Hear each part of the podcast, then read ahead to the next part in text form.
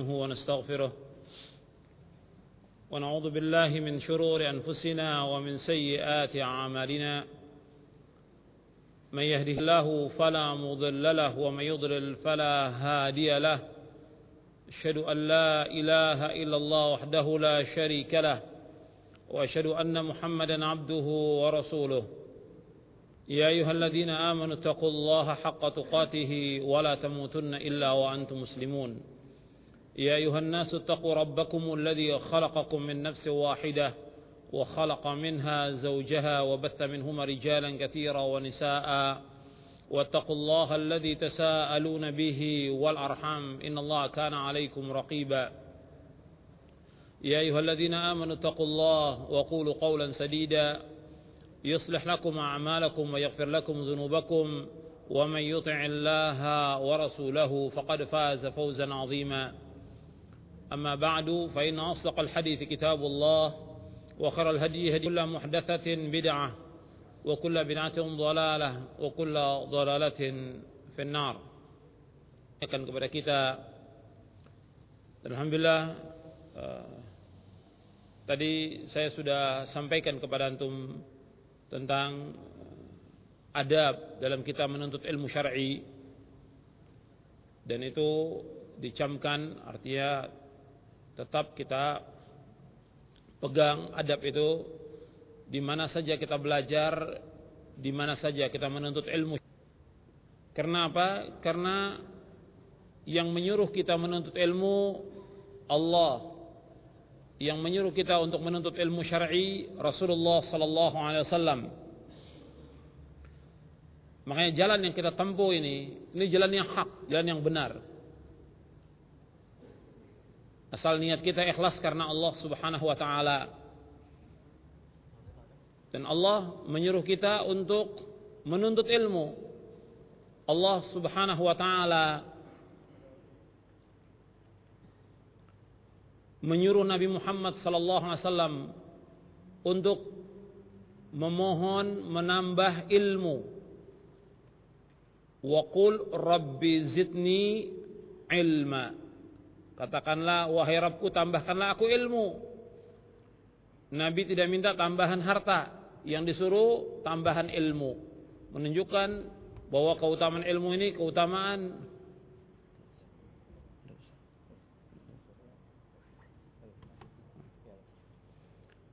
Jadi Nabi SAW menyuruh untuk eh, Allah menyuruh Nabi Muhammad untuk menambah ilmu. Wa qul rabbi zidni ilma. Ya Allah tambahkanlah aku ilmu. Dan Allah subhanahu wa ta'ala menyebutkan dalam Al-Quran bahwa Allah akan mengangkat derajat yang tinggi kepada siapa? Kepada orang yang menuntut ilmu. Yarfa'illahu alladhina amanu minkum walladhina utul ilma derajat. Allah mengangkat orang-orang yang beriman di antara kamu dan orang yang berilmu beberapa derajat. Jadi orang yang berilmu punya tingkatan yang tinggi. Dan orang yang paling takut kepada Allah, orang yang berilmu. Sebagaimana Allah berfirman dalam surah Fatir ayat 28, "Innama yakhsyallaha min ibadihi ulama." Sesungguhnya orang-orang yang takut kepada Allah adalah ulama. Ulama yang bagaimana? Ulama yang faham Al-Qur'an, ulama yang faham sunnah Nabi, ulama yang memahami Al-Qur'an wa sunnah ala fahmi salaf, ulama yang menghalalkan apa yang Allah halalkan, ulama yang mengharamkan apa yang Allah haramkan, ulama yang tahu tentang batas-batas Allah dan ulama yang yakin bahwa dia pasti akan bertemu dengan Allah SWT pada hari kiamat. Itu dijelaskan oleh Al-Hafidh Ibn Kathir dalam tafsirnya. Ya, karena ulama yaitu orang-orang yang dia mengetahui Al-Quran, dia mengetahui sunnah Nabi, dia menghalalkan apa yang dihalalkan oleh Allah, mengharamkan apa yang diharamkan, dan dia yakin bahwa dia pasti akan bertemu dengan Allah, akan dihisab oleh Allah pada hari kiamat. Itu ulama yang takut kepada Allah SWT. Karena itu ikhwan fiddin, azakumullah, jalan yang kita tempuh ini, menuntut ilmu, ini merupakan jalan yang terbaik. Dan ilmu yang paling penting lagi tadi sudah saya jelaskan, yaitu bagaimana menumbuhkan rasa takut kita kepada Allah. Setiap kita belajar, setiap kita menuntut ilmu, akan menumbuhkan rasa takut kita kepada Allah subhanahu wa ta'ala. Sebagaimana dikatakan oleh Imam Ahmad bin Hanbal rahimahullah, al-ilmu khasyatullah. Ilmu itu takut kepada Allah. Ilmu itu membuat kita takut kepada Allah. Semakin tambah ilmu kita, tambah takut kita kepada Allah Subhanahu wa taala. Karena itu ikhwan fiddin, azakumullah. Jalan ini jalan yang diridhoi Allah menuntut ilmu ini. Selama yang dikaji Al-Qur'an dan sunnah Nabi menurut pemahaman salafus saleh. Nabi bersabda, "Wa man salaka tariqan yaltamisu fihi ilman, sahhalallahu lahu bihi tariqan ilal jannah." Barang siapa yang berjalan untuk menuntut ilmu, maka Allah akan mudahkan jalannya ke sorga. Kalau ada orang yang bertanya kepada kita, Kenapa kita nuntut ilmu? Kenapa kita mengikuti daurah? Tujuan kita nuntut ilmu, kita ingin masuk surga. Kalau ada orang bertanya kepada kita, kenapa kita nuntut ilmu?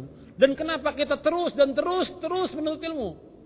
Karena Allah mewajibkan kita nuntut ilmu, Rasul mewajibkan kita nuntut ilmu, dan karena kita ingin masuk surga. Jadi kalau orang bertanya kepada kita, kenapa? Karena kita masuk surga. Tujuan kita, tujuan hidup seorang mukmin surga jannah, kita ingin masuk surga dengan kita nuntut ilmu ini. Maka tidak boleh kita tinggal. Tetap wajib nuntut ilmu meskipun kita siapa pun kita. Apakah kita sebagai remaja, pemuda, apakah dia sudah menikah, sudah punya anak, sudah punya cucu, tetap aja wajib nuntut ilmu. Dan tidak boleh orang mengatakan saya sibuk, nggak nuntut ilmu, wajib nuntut ilmu. Nabi bersabda, "Talabul ilmi faridatun ala kulli muslimin. Nuntut ilmu itu wajib atas setiap muslim. Makanya ketika ada orang bertanya kepada Imam Ahmad, "Wahai Imam Ahmad, apakah pantas seseorang nuntut ilmu? Dia umurnya sudah 80 tahun."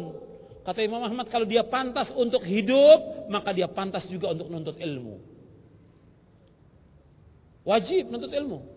Dan orang nggak boleh mengatakan saya sibuk, sibuk dengan kerja, sibuk dengan dagang, tidak boleh tetap wajib dia luangkan waktu untuk nuntut ilmu. Karena ini bekal menuju sorga. Kesempatan ini, kesempatan yang terbaik, kesempatan emas untuk menuntut ilmu. Gunakan sebaik-baiknya supaya bisa menjadi bekal kita dunia dan akhirat. Azakumullah. Pada kesempatan ini kita akan membahas uh, sebagaimana yang diminta oleh panitia yaitu ahlu sunnah antar gelaran dan reality. Jadi panitia minta kepada saya untuk membahas siapakah ahlu sunnah wal jamaah antara gelaran dan reality. Ini kita akan bahas untuk sesi yang pertama, untuk materi yang pertama tentang ahlu sunnah antara gelaran dan reality. Kenapa dibahas tentang masalah ini? karena banyaknya orang yang mengaku ahlu sunnah. Di mana-mana orang mengaku ahlu sunnah wa jamaah. Mereka semuanya memperebutkan nama ini, nama ahlu sunnah wal jamaah. Karena apa? Karena Nabi Sallallahu Alaihi Wasallam menyebutkan bahwa umat Islam ini akan terpecah menjadi berapa? 73 golongan. Nabi bersabda, "Sataftariku ummati ala 73 firqah." kulluha finnari illa wahidah. Bahwa umatku akan terpecah menjadi 73 golongan. 72 masuk neraka, satu yang masuk surga. Waktu Nabi menyebutkan satu yang masuk surga, Nabi menyebutkan siapa ya Rasulullah yang satu, yang satu golongan itu Nabi menyebutkan al-jamaah. Al-jamaah. Ini yang diriwayatkan oleh Imam Ahmad, Abu Daud dan yang lainnya. Dan hadis ini sahih. Dalam riwayat yang lain yang diriwayatkan oleh Imam Al-Hakim dan Tirmidzi disebutkan bahwa satu yang masuk surga itu ma'ana alaihi al-yauma wa ashabi yaitu orang-orang yang mengikuti aku dan para sahabatku. Orang mengikuti aku, mengikuti Rasulullah dan para sahabat. Ini ahlu sunnah. Nah nama ini, nama ahlu sunnah ini nama yang syar'i, artinya ada sejak zaman sahabat nama ini, ahlu sunnah wal jamaah. Cuma karena nama ini merupakan satu golongan yang selamat, semua orang ikut. Artinya memperebutkan nama ini. Supaya mereka dikatakan ahlu sunnah wal jamaah, supaya mereka dikatakan golongan yang selamat. Nah sekarang, siapa yang sebenarnya ahlu sunnah? Sebab kita lihat, banyak orang mengaku ahlu sunnah, ternyata mereka justru mengajak umat kepada kesyirikan. Mereka mengatakan ahlu sunnah wal jamaah justru mereka adalah orang-orang yang mengingkari sifat-sifat Allah. Mereka mengatakan ahlu sunnah wal jamaah justru mereka mentakwil sifat-sifat Allah. Mereka mengatakan ahlu sunnah wal jamaah justru mereka datang ke kubur-kubur wali minta. Ahlu sunnah tidak pernah melakukan yang demikian. Makanya kita bahas dan saya akan jelaskan insyaallah bagaimana ciri-ciri dari ahlu sunnah wal jamaah. Untuk makalahnya sudah sudah dapat ini. Sekarang kita akan bahas dulu tentang uh, definisi akidah. Akidah ahlu sunnah wal jamaah. Karena akidah dan manhaj ini merupakan asas paling pokok. Kita menilai satu orang atau kelompok atau golongan yang dinilai pertama kali akidahnya dulu. Benar atau tidak? Manhajnya benar atau tidak? Itu yang paling pokok. Yang dinilai apa? Akidahnya. Akidahnya benar atau tidak? Bukan kepandaian dia bicara. Bukan kehebatan dia dalam retorika, dalam dakwah. Tapi akidahnya benar atau tidak? Manhajnya benar atau tidak? Maka kita bahas tentang akidah ini. Menurut bahasa Akidah berasal dari kata-kata al-aqdu yang berarti ikatan atau thiq yang berarti kepercayaan atau keyakinan yang kuat. Al-ihkam artinya mengokohkan atau menetapkan dan arabtu bil quwa yang berarti mengikat dengan kuat. Menurut istilah akidah adalah iman yang teguh dan pasti yang tidak ada keraguan sedikit pun bagi orang yang meyakininya.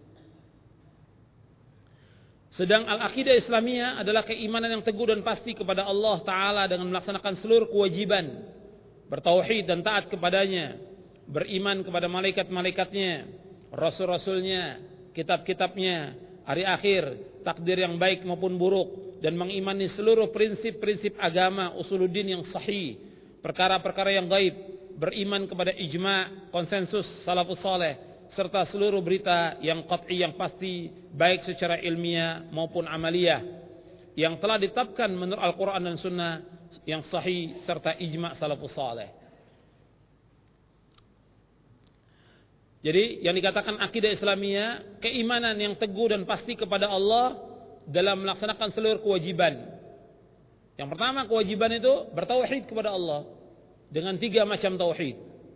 Tauhid ar-rububiyah, tauhid al-uluhiyah, tauhid asma wa sifat. Jadi, yang pertama dibahas tentang arkanul iman dan arkanul Islam. Kalau kita bicara soal akidah, maka yang dibahas tentang arkanul iman, kemudian juga arkanul Islam. Karena itu dijelaskan oleh Syekhul Islam Ibn Taimiyah rahimahullah bahwa orang yang berdakwah yang dikatakan dai dai itu mengajak orang kepada apa? Mengajak orang kepada rukun iman, mengajak orang kepada rukun Islam. Itu dai. Sekarang banyak dai sekedar ceramah untuk menghibur orang. Atau dai ceramah bagaimana orang bisa tertawa. Yang dikatakan dai mengajak orang ke jalan Allah. Tadi sudah saya bawakan ayatnya. Dalam surah Yusuf ayat 108 Qul hadhihi sabili ad'u ila Allah ala basiratin ana wa man ittaba'ani wa subhanallahi wa ma ana minal musyrikin. Katakanlah ini jalanku. Ini sunnahku. Tariqati wa sunnati. Dijelaskan dalam tafsir Ibnu ini jalanku. Ini sunnahku. Yaitu apa? Mengajak manusia untuk mentauhidkan Allah menjauhkan syirik. Sabili Ad'u ila Allah, aku mengajak manusia ke Allah. Ala basiratin, dengan dasar ilmu dan keyakinan. Ana wa man ittabani. Aku dan orang mengikuti aku. Dan masuci Allah dan aku tidak termasuk orang yang berbuat syirik. Jadi mengajak manusia ke jalan Allah. Ad'u ila Allah. Bukan ad'u ila nafsi, bukan. Bukan mengajak manusia kepada diri kita, bukan. Supaya fanatik, tidak boleh. Bukan mengajak manusia kepada golongan, bukan mengajak manusia kepada kelompok, bukan. Ad'u ilallah, mengajak manusia ke jalan Allah. Itu dakwah. Yang paling pokok apa mengajak jalan Allah? Arkanul Islam wa arkanul iman. Rukun Islam dan rukun iman. Jelaskan kepada umat agar mereka memahami tentang bagaimana mentauhidkan Allah. Makanya di sini yang dikatakan akidah yaitu bukan sekedar pengakuan tapi betul-betul dibuktikan dengan mengajak manusia kepada tauhid rububiyah. Tauhid al-uluhiyah, tauhid asma wa sifat. Apa tauhid rububiyah? Tauhid rububiyah yaitu mengimani tentang apa? Tentang pekerjaan Allah, tentang perbuatan Allah. Seperti apa? Allah Al-Khaliq, Ar-Razik, Al-Malik, Al-Mudabbir, Al-Muhyi, Al-Mumit. Rububiyah. Berkaitan dengan apa? Dengan pekerjaan Allah, dengan perbuatan Allah. Menciptakan, kemudian mematikan, memberikan rezeki, menghidupkan, mengatur alam semesta. Ini namanya rububiyah. Kalau sebatas ini saja orang-orang musyrikin mengakui tentang rububiyahnya Allah. Makanya selanjutnya tauhid al-uluhiyah. Tauhid al-uluhiyah berkaitan dengan apa? Dengan pekerjaan hamba. Kalau rububiyah berkaitan dengan pekerjaan Allah, kalau uluhiyah berkaitan dengan pekerjaan hamba. Artinya mentauhidkan Allah dengan pekerjaan hamba. Seperti apa? Berdoa, kita harus mentauhidkan Allah, mengikhlaskan ibadah dan doa hanya kepada Allah.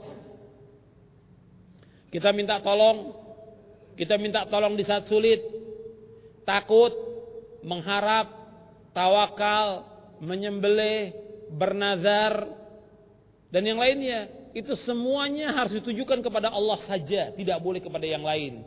Inna salati wa nusuki wa mahyaya wa mamati lillahi rabbil alamin la syarika lahu wa bidzalika umirtu wa ana awwalul muslimin.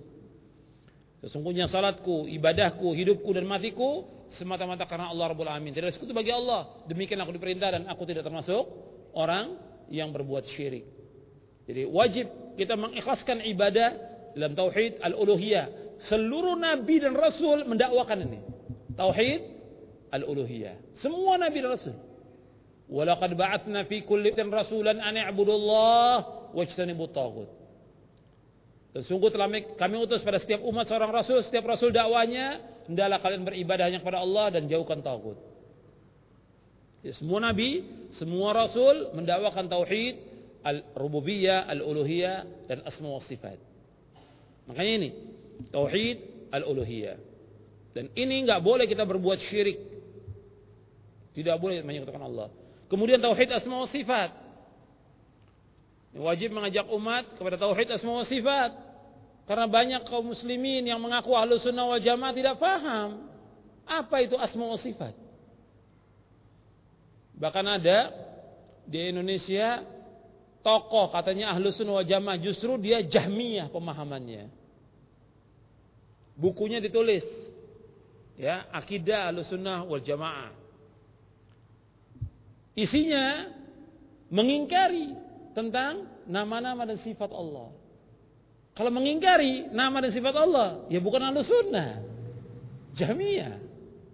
Jahmiyah mengingkari sifat Allah. Ketika membahas tentang Allah di atas langit gak percaya dia. Yang mengatakan Allah di atas langit, Allah di atas arah siapa? Allah dalam Al-Quran. Aamintum man fis sama. Apakah kalian merasa aman dengan yang di langit? Allah berfirman Ar-Rahmanu ala istawa. Allah Ar-Rahman istiwa di atas arash.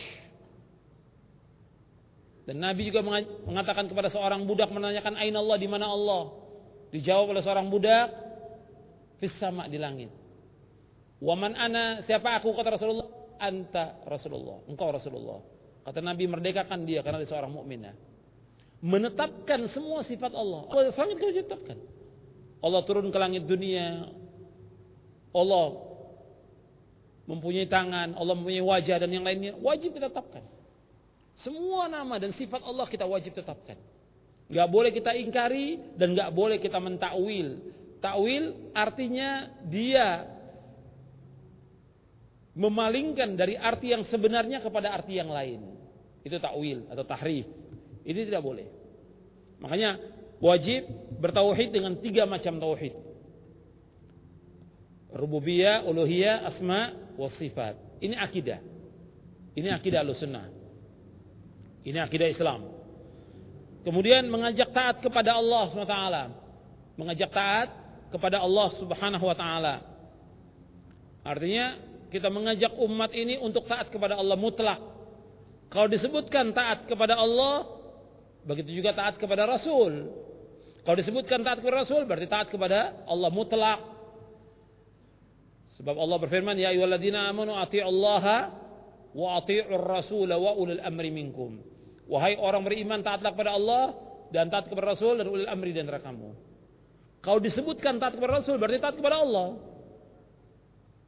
Sebab Allah berfirman dalam surah An-Nisa ayat 80, "Man yuti'ir rasula faqad Allah wa man tawalla fama arsalnaka 'alaihim hafidha." Dan barang siapa yang taat kepada Rasul, berarti dia taat kepada Allah. Dan barang siapa yang berpaling, kami tutup engkau sebagai penjaga atas mereka. Jadi taat kepada Rasulullah berarti taat kepada Allah. Dan antum perhatikan lagi. Bahwa kedudukan sunnah Nabi Sallallahu Alaihi Wasallam itu sama dengan Al-Quran tentang masalah hukum dan wajibnya sunnah Nabi. Jadi nggak bisa orang katakan kalau untuk dari Al-Quran kita ambil, kalau dari sunnah tidak wajib. Ala inna maharrama Rasulullah mithla Allah kata Rasulullah. Ketahuilah apa yang diharamkan oleh Rasulullah sama seperti apa yang diharamkan oleh Allah. Apa yang diharamkan Rasulullah sama seperti apa yang diharamkan Allah. Maka taat kepada Allah dan Rasulnya mutlak. Dan Rasulullah diberikan oleh Allah dua. Al-Quran dan As-Sunnah. Ala inni utitul kitaba wa mithlahu ma'ahu. Ketahuilah aku diberikan Al-Quran dan yang bersama Al-Quran itu As-Sunnah. Hadis ini sahih. Diriwayatkan oleh Imam Ahmad, Abu Daud dan yang lainnya dari sahabat Miqdam bin Ma'di Karibah. Selanjutnya, kemudian beriman kepada malaikat-malaikatnya. Ini uh, pembahasannya panjang dan kita wajib mengimani tentang malaikat bahwa malaikat itu ya makhluk berwujud yang diciptakan dari cahaya. Sebab ada orang-orang yang mengingkari tentang wujudnya malaikat dari Mu'tazilah dan yang lainnya. Kalau ahlu sunnah wajib mengimani tentang adanya malaikat. Dan malaikat ini diciptakan oleh Allah untuk beribadah hanya kepada Allah saja. Dan kita wajib mengimani tentang adanya malaikat. Dan malaikat ini banyak lebih banyak dari manusia.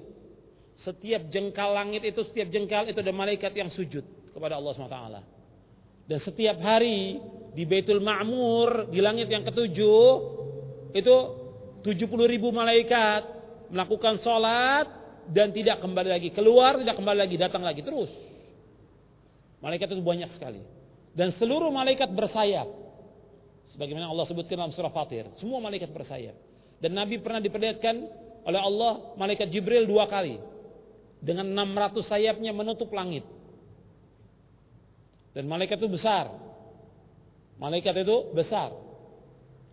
Malaikat makhluk Allah yang besar yang memikul arsnya Allah, yang memikul arsnya Allah, arsnya Allah dipikul oleh malaikat. Jarak antara telinga malaikat itu sampai pundaknya itu 700 tahun burung terbang. Jadi kalau burung itu diletakkan di pundaknya malaikat, sampai ke telinganya malaikat tersebut 700 tahun. Menunjukkan bahwa malaikat itu besar dan Allahu Akbar. Arsnya Allah itu makhluk yang paling besar. Allahu Akbar. Allah yang maha besar. Jadi wajib kita mengimani malaikat. Dan malaikat juga mendatangi majlis ilmu. Seperti ini, majlis ilmu. Datangnya malaikat. Nabi bersabda, Innal malaikata la tada'u ajnihataha li talibil ilmi ridhan bima yatlub. Dan riwayat yang lain, ridhan bima yasna. Sesungguhnya malaikat mengepakkan sayapnya, melebarkan sayapnya, ridho kepada orang-orang yang menuntut ilmu syar'i. Cuma kita tidak bisa melihat malaikat. Kita tidak bisa melihat malaikat. Dalam bentuk aslinya tidak ada yang bisa melihat kecuali yang Allah perlihatkan kepada Nabi Muhammad sallallahu alaihi wasallam. Kemudian selanjutnya Jadi malaikat ini eh, Tugasnya hanya beribadah kepada Allah Subhanahu wa taala. La ya'sunallaha ma amarahum wa yaf'alun ma. Kemudian beriman kepada rasul-rasulnya. Rasul-rasul yang diutus oleh Allah banyak. Ya, 313 rasul. Kita wajib mengimani yang sudah kita ketahui